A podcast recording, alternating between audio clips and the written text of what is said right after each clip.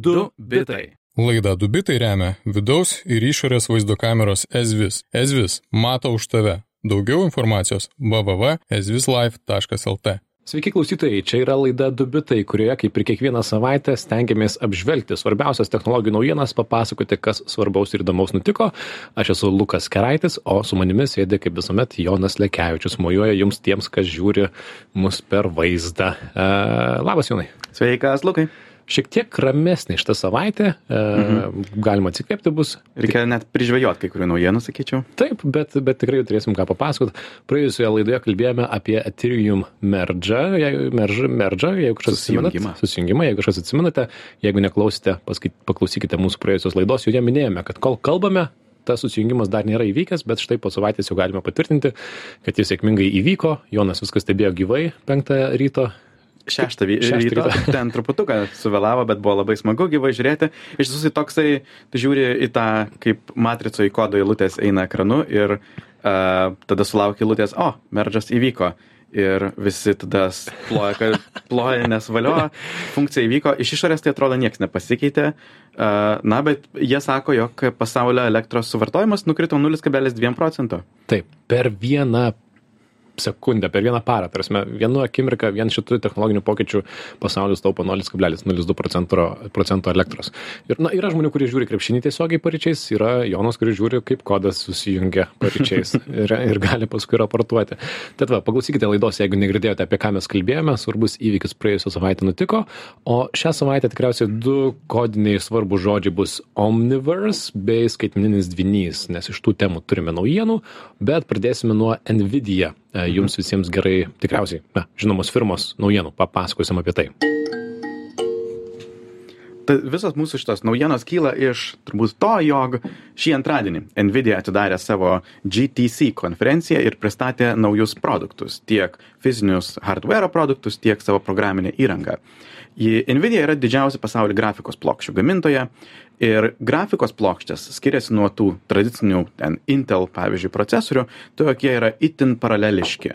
Jeigu šiaip procesoriai turi kokius du ar aštuonis branduolius grafikos plokštės skaičiuoja tuos branduolius tūkstančiais.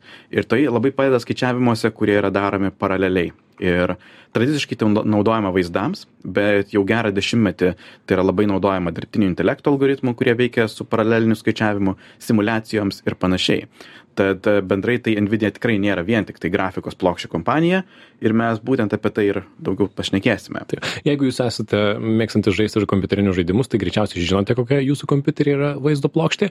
Jeigu nesate, tai greičiausiai net nežinote, bet tikėtina, kad tai yra Nvidia firmos plokštė jūsų kompiuterius. Tai apie jas mhm. kalbėsim. Uh, tai laukiamiausia gamerių žaidėjų naujiena buvo naujos grafikos plokštės. Jie pristatė tą savo ilgai lauktą 40 seriją ir du to variantus 4080 ir 4090. Kartu pristatė tokią naują Ada Lovelace architektūrą, kuri bus žymiai efektyvesnė ne tik žaidimams, bet ir, ką jie labai akcentavo, dirbtiniam intelektui ir simulacijai. Ir vėlgi visas dėmesys yra ne, nebe žaidimams, nebe grafikai, o, o industrijai. Um, flagmanas yra 4090, uh, galinga vaizdo korta, šiek tiek brangesnė už tai, kas buvo prieš tai, bet jeigu bandėte prieš kelis paskutinius metus pirkti grafikos plokštę, tai žinote, jog tos kainos, kurias rašo gamintojai, buvo juokas. Mhm. Nes uh, buvai laimingas, jeigu už dvigubai didesnę kainą pavykdavo nusipirkti. Tad uh, Bet manau, jog šitą kartą jau bus šiek tiek lengviau įsigyti tikromis jų minimomis kainomis, kas yra labai susiję beje su mūsų jau aptartu Ethereum susijungimu merdžu. Nes visi kasėjai, ypač Ethereum kasėjai, naudojo grafikos kortas, kurias belieka šiuo metu tiesiog parduoti ir rast, tikėtis rasti pirkėjų už bet kokią kainą. Taip, Jonai atsimenu ir minėjai dar prieš praeitą laidą, kad kažkur skaitėjai, kaip susirašinėja Eterimo grupėse žmonės, kad, ei, pala, tai čia jau nebereis, nebeis kasti, ką, ką daryti su vaizdo kortom. Įdomu, reikės patikrinti skelbimus, ar, ar jų pasiūla padidės. Aš žiūrėjau, kainos jau yra, wow, labai geros. Tikrai galima, pirkti labai pigiai. Puikiai proga atsinaujinti, jeigu kažkas gameriai. Mm -hmm. Nori Ypač to. praeitos kartos. Kartu su, su tuo jie pristatė savo naują tokį algoritmą DLSS 3.0. Tai yra NVIDIA technologija, kaip jie gali iš tų pačių pajėgumų sukurti geresnį žaidimo vaizdą, prigeneruodama daugiau pikselių. Anksčiau jie didino rezoliuciją, naudodami dirbtinį intelektą, kuris paima mažos kokybės vaizdą ir jį išdidina dabar naujiena yra, jog generuos net ir visiškai naujus kadrus. Tai yra tarp tikro, tikrų žaidimo sugeneruotų kadrų, dirbtinis intelektas prikurs naujus tarpinius kadrus, tad turėtų būti žymiai geresnis tas frame rate'as arba kadrų dažnis. Mhm. Išvertus į paprastą žmonių kalbą, grafika gerės ir, ir atrodys dar real- realistiškiau, būtent dėka šių vaizdo plokščių ir šitų technologijų. Aišku, pati Nvidia žaidimams skiria vos 10 minučių, nes jų dėmesys buvo kitur. Taip, ir čia yra mūsų dėmesys, man čia pačiam yra pati na, įdomiausia šiandienos tema. Omniverse, Nvidia Omniverse, e, taip vadino jie savo, savo dalyką, kas yra, kas yra labai daug. Kas yra Omniverse? Kaip tu taip, Jonai, apibūdintum, kas tai yra? Aš tą pavadinčiau tokia praktiška arba inžinierių meta visata. Mhm. Jeigu, pavyzdžiui, kai meta, Facebook kompanija kalba apie tą meta visatą, jie visą dėmesį skiria bendravimo patirtim, įsivaizduojamiems pasauliams, kažkams virtualioms, smagiom patirtim. Tuo tarpu Nvidia dėmesys visgi yra apie tokį inžinerinį arba robotikos pasaulį, kaip įnešti tikrą realybę, simulaciją į tą virtualų pasaulį ir iš to ištraukti kuo daugiau naudos.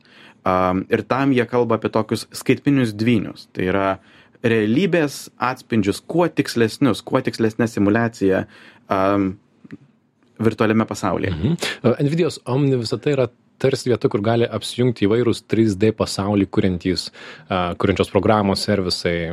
Na, įsivaizduokime, jeigu esate šiam akimirką grafikos dizaineris, naudojate Photoshopą, Premierą, dar kažką, tos pačius Adobe įrankius, tai Omniverse nori apjungti tuos įrankius, kuriais bus kuriama meta visata. Meta visata įdomi eiliniam naudotojui, o Omni visata turėtų būti, Omniverse turėtų būti įdomi meta visatos kuriejams, man atrodo. Inžinieriams ypač, kurie kuria. Įrankiai, įrankiais, kuriais bus kuriama meta visata. Mhm. Ir jie eina per konkrečias industrijas, kuriuose, kuriuose pirmiausia galima pamatyti tokios virtualių dvinių a, inžinerinės metavisatos a, naudas. Em, Aš sakyčiau, gal apie kokias tris in- industrijas yra įdomu pašnekėti a, - transportų, logistikos ir gamybos bei medicinos. Taip, bet tu paminėjai tą skaitmeninį dvynį. Tai kas tai yra, dar trumpai, kad, kad įvestume. Uh, digital twin anglų kalboje šitas terminas yra. Aš jį vis matau Lietuvoje spaudoje taip nutampytai minima. Uh, keistas faktas, kad e, tai turbūt vienintelis dalykas, prie kurio Jonas nėra dirbęs. Tad kalba teoriškai, šį kartą ne, praktiškai, bet skaitmeniniai dvyniai tai yra toks pakankamai naujas terminas, kuris reiškia, kad tai yra objekto atvaizdavimas virtualioje erdvėje. Jis leid, tai yra leid, vizualizavimas sprendimų realiuoju laiku. E, Tai gali būti nuo mažo variklio iki gali būti didelės gamyklos, kur vietoj to, kad tu imtum ir gam, statytum gamyklą, vien nusibraidžęs popierė, tu visą ją sukuri 3D erdvėje, tu matai, kaip viskas išsidėlioja, kur kas juda, tu matai jutiklius, tu turi skaitmeninį fiz- fizinio pasaulio dvynį, kurį gali valdyti, reag- reaguoti ir kuriame matai visą, visą informaciją. Ir aišku, viso to tikslas yra sutaupyti pinigus, neeksperimentuoti realybėje, mhm. fiziškai stumdant, um, judinant sienas ar dar, dar kažką panašaus darant, bet pirmiausia išbandyti daugybę variantų virtualioje erdvėje, kur tai nieko nekainuoja, ir tada pritaikyti geriausią, optimaliausią variantą tikrovėje. Tad, pavyzdžiui, pradedant nuo transporto srities. Čia jie ypač akcentavo autonominių automobilių treniravimą, nes vėlgi realybėje galima paleisti tos automobilius su vairuotojais, e, duoti jiems daug video medžiagos, jog jie mokytųsi iš tų video įrašų, bet Nvidia savo konferencijai pristatė naują algoritmą, kurie gali paimti iš skirtingų kamerų ir dabar beveik visi nauji automobiliai, kurie turi bent kažkokį autonominio vairavimo funkcionalumą, turi krūvą kamerų aplinkui, filmuoja visą perimetrą. Jų naujas algoritmas gali paimti visus tos video įrašus ir atkurti pilną 3D aplinką, kuri buvo vairuojant. Tai yra gatvių geometrija ir, ir visas formas, atskaitant, kur yra medžiai, e, taip pat kitus automobilius ir jų judėjimo trajektorijas. Ir atkūrę šitą 3D erdvę, jau galima eksperimentuoti su kas būtų scenarijais, taip sakant, istorijos pakeitimais. Pavyzdžiui, kas būtų, jeigu staiga kažkuris automobilis pasuktų kairien arba išbėgtų pėstys, pėstysis. Ir tokiu būdu galima sukurti žymiai daugiau treniravimo scenarijų situacijų, negu tiesiog tikras automobilis patirtų tikroji fiziniai realybėje. Ir todėl smarkiai spartinti treniravimą, ką beje galima naudoti ne tik automobiliams, galima naudoti traukiniams, jo kad pažinti kliūtis ant bėgių ar, ar kažką tokio. Tad šita industrija tikrai išnaudoja tą sintetinių duomenų funkcionalumą. Ši naujiena apskritai turėtų būti įdomiausia tikriausiai naujiena sekantiems inžinieriams ir na, žmonėms, kurie kuria, kuria daiktus. Man labai patikęs pavyzdys buvo su 5G antenomis bokštais, kurias reikia išdėlioti mieste, kad apimtum na, kuo, kuo geresnį ryšį. Tai tas skaitmeninis dvinys, tas pasaulio kopija realiai nuskenuotas miestas jo 3D modelis gali padėti suprasti, kur geriau dėti vieną bokštą ir kitą bokštą ir kad jie susisietų tarpusavyje ir kad ryšiai nekliudytų. Ir tu gal net, netgi gali numatyti, kad po metų bus pastatytas šitas dangoraižis. Ir mhm. dabar 3D pasaulyje aš pastatysiu tą dangoraižį ir pažiūrėsiu, ar tie signalai apeina. Tai realiai žaidi e, virtualybėje, kad galėtum realybėje paskui nesufeilinti kita industrija kurią jie akcentavo buvo logistika ir gamyba tai visokie sandėliai gamyklos. Am vėlgi čia tikslas yra sukurti tokią virtualią sandėlio kopiją ir tuomet gali eksperimentuoti su tuo optimizuoti tiek visokių prekių išdėstymus kaip įvairūs prietaisai reaguotų į įvairias situacijas am ypač gamyklose dar yra visai įdomu jog gali sujungti su fiziniais sensoriais ir užtikrinti jog tas virtualus dvynys sinchronizuotųsi su realybe tai yra jog tai kas vyktų re realybėje būtų atspindėta virtualiame pasaulyje ir tuomet vėlgi galėtum simuliuoti tam tikrus scenarijus arba stebėti am kas būtų jeigu būtų a nuspėti galimas problemas. Čia nerealu čia vienas praktiškiausių pri pri panaudojimo būdų tu iš esmės gali žiūrėti į ekraną ir matyti na ką dabar matytum galbūt su kameromis ar ne ten robotai juda kažkas pakyla eina garai ir panašiai tu tą patį matai tiktai vizualiame e, ekrane tiesiog viskas yra iš jutiklių ir iš kitos informacijos tau ateina. Aš radau paguglinęs nemažai lietuviškų projektų rail baltica giriasi turintys skaitmeninį dvynį klaipėdos naftos terminalas vilnius kaunas panevėžys giriasi kuriantys tokį nors man ten atrodo labiau trys d miestų nuskenavimas skaitmeniniai dvyniai yra gerokai daugiau tai yra na ir jutikliai ir ir realios realaus laiko informacija informacija. Teko filmuoti reportažą, kuris dar net neišėjęs į viešumą su tokiais lietuviais, kurie kuria Black Swan Technologies, taip vadinasi, kuria dirbtinių palydovų misijų vizualizavimo ir simuliavimo programinę įrangą. Tai yra prieš leisdamas palydovą į kosmosą tu gali simuliuoti panašiai kaip kompiuteriniame žaide žaidime kas bus kaip jisai skris kaip išties ranką ir gali taisyti kodą ir žiūrėti ar viskas bus gerai. Nerealu man irgi atrodo kad čia yra visiškai nuostabu kaip mes mes atkuriame realybę virtualiame pasaulyje. Apie tai mes kalbėsime vis daugiau ir tie kas studijuoja inžineriją tai man atrodo čia bus jų antrame kurse greit greitu metu. Nežinau kaip galbūt jau ir dabar kažkiek yra bet manau kad bus tik aktualiau. Ir beje šitoje omni visatoje nebūtinai tai turi būti kažkokie žmogaus sukonstruoti dalykai. Pavyzdžiui trečia industrija kurią vėlgi akcentavo nvidia buvo buvo medicina, kur išnaudojant skenavimo rezultatus, tai visokių ten nuo, nuo rentgeno skenavimo iki žymiai protingesnių, galima atkurti audinių, 3, audinius 3D simulacijoje ir nuspėti vėlgi galimus pokyčius, identifikuoti kažkokias problemas, bei taip pat tą informaciją perduoti chirurginiams robotams, kurie, kuriem irgi jie kuria programinę įrangą ir tada jie realiu laiku, naudodami kameros informaciją, gali identifikuoti tuos pačius audinius, kažkokius pažeidimus, kritinius taškus ir tokiu būdu koreguoti savo veiksmus.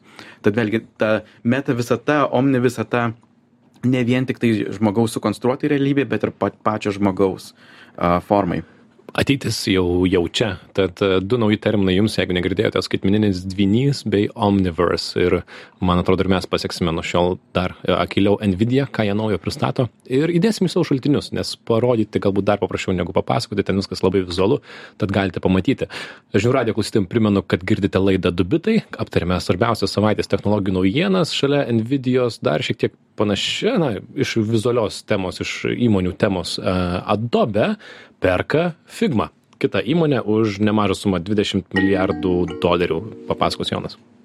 Uh, mes šiaip daug nešikėjame, ką mes darome. Pavyzdžiui, aš paskutinius 10 metų labai daug dirbau prie vartotojų patirčių, vartotojų sąsajų ir mano mėgstamiausias įrankis jau daug metų buvo ta Figma, kurią nusipirko Adobe.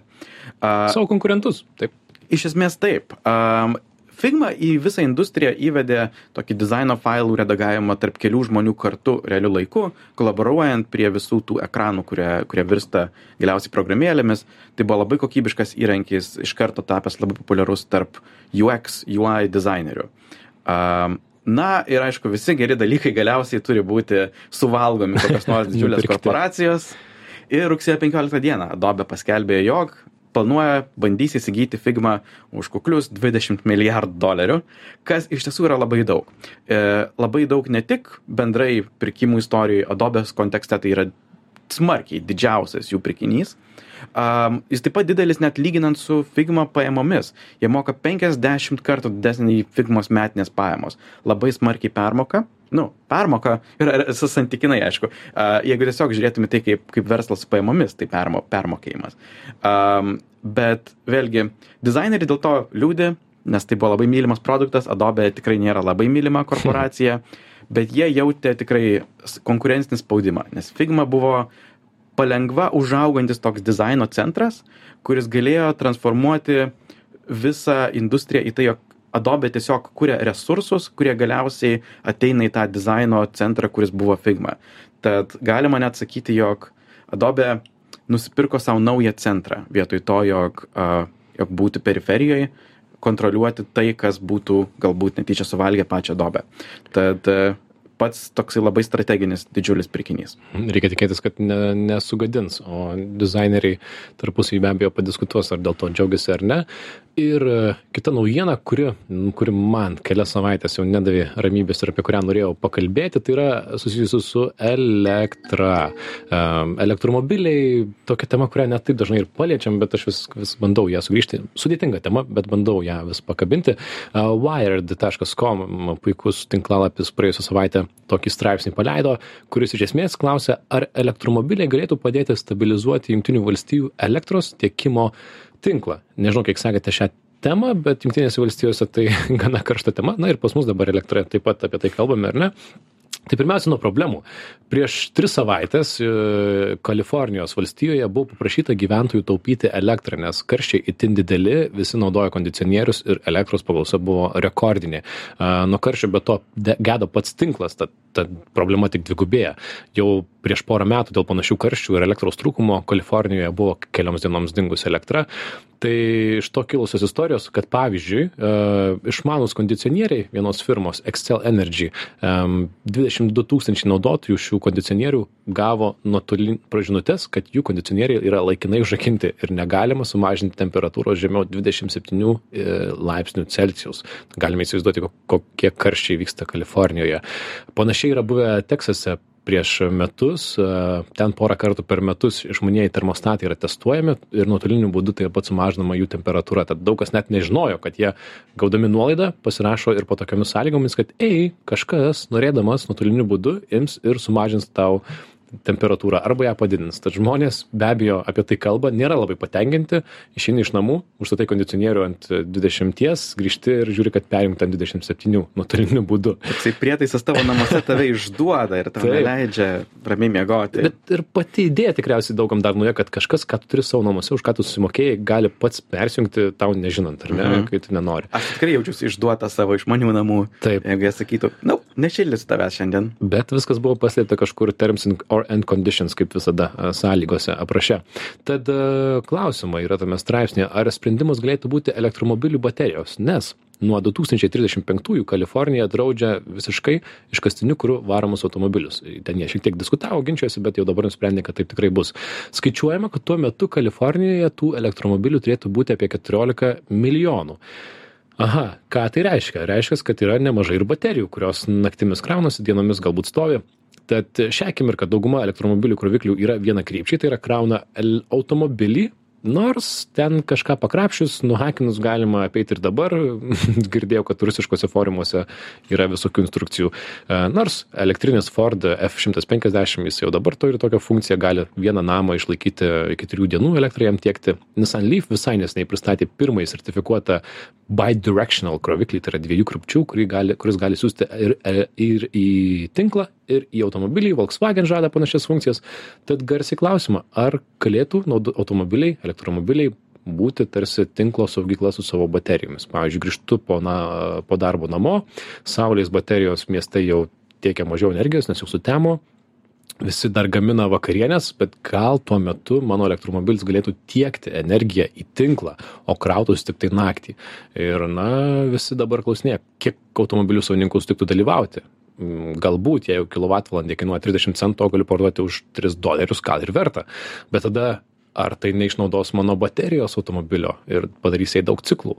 O galbūt laiko klausimas, kada Kalifornijos įstatymai privers, tai yra reikalaus elektromobilių savininkų dalintis baterijomis ir palikti juos tinkle per naktį, kad būtų galima juos naudoti kaip atsarginės baterijas. Labai įdomi diskusija. Taip, nes galbūt e, išvada bus panašiai tų termostatų, kur tu e, nors ir turi prietaisą savo namuose, jis nėra šimtų procentų tavo kontrolėje. Taip. Ir aš manau, jog tai yra neišvengiama su migravimu į žymiai labiau atsinaujinančią e- elektros gamybą, kuri yra visais būdais e, sezoninė, e, periodinė tiek dienos ritmu, tiek, tiek, tiek sezonų ritmu. Ji nėra taip nuspėjama kaip, nežinau, atominė elektri, elektra. Tad reikės spręsti tą normalizavimą, reikės kažkokiu būdu turėti baterijas. Ar tai bus užtvankos, ar tai bus o, elektromobiliai. Ir turint omeny, jog mes jau turime tas didžiulio pajėgumų baterijas namuose, kurios e, gulės mūsų elektromobiliuose, atrodo labai logiška tą išnaudoti.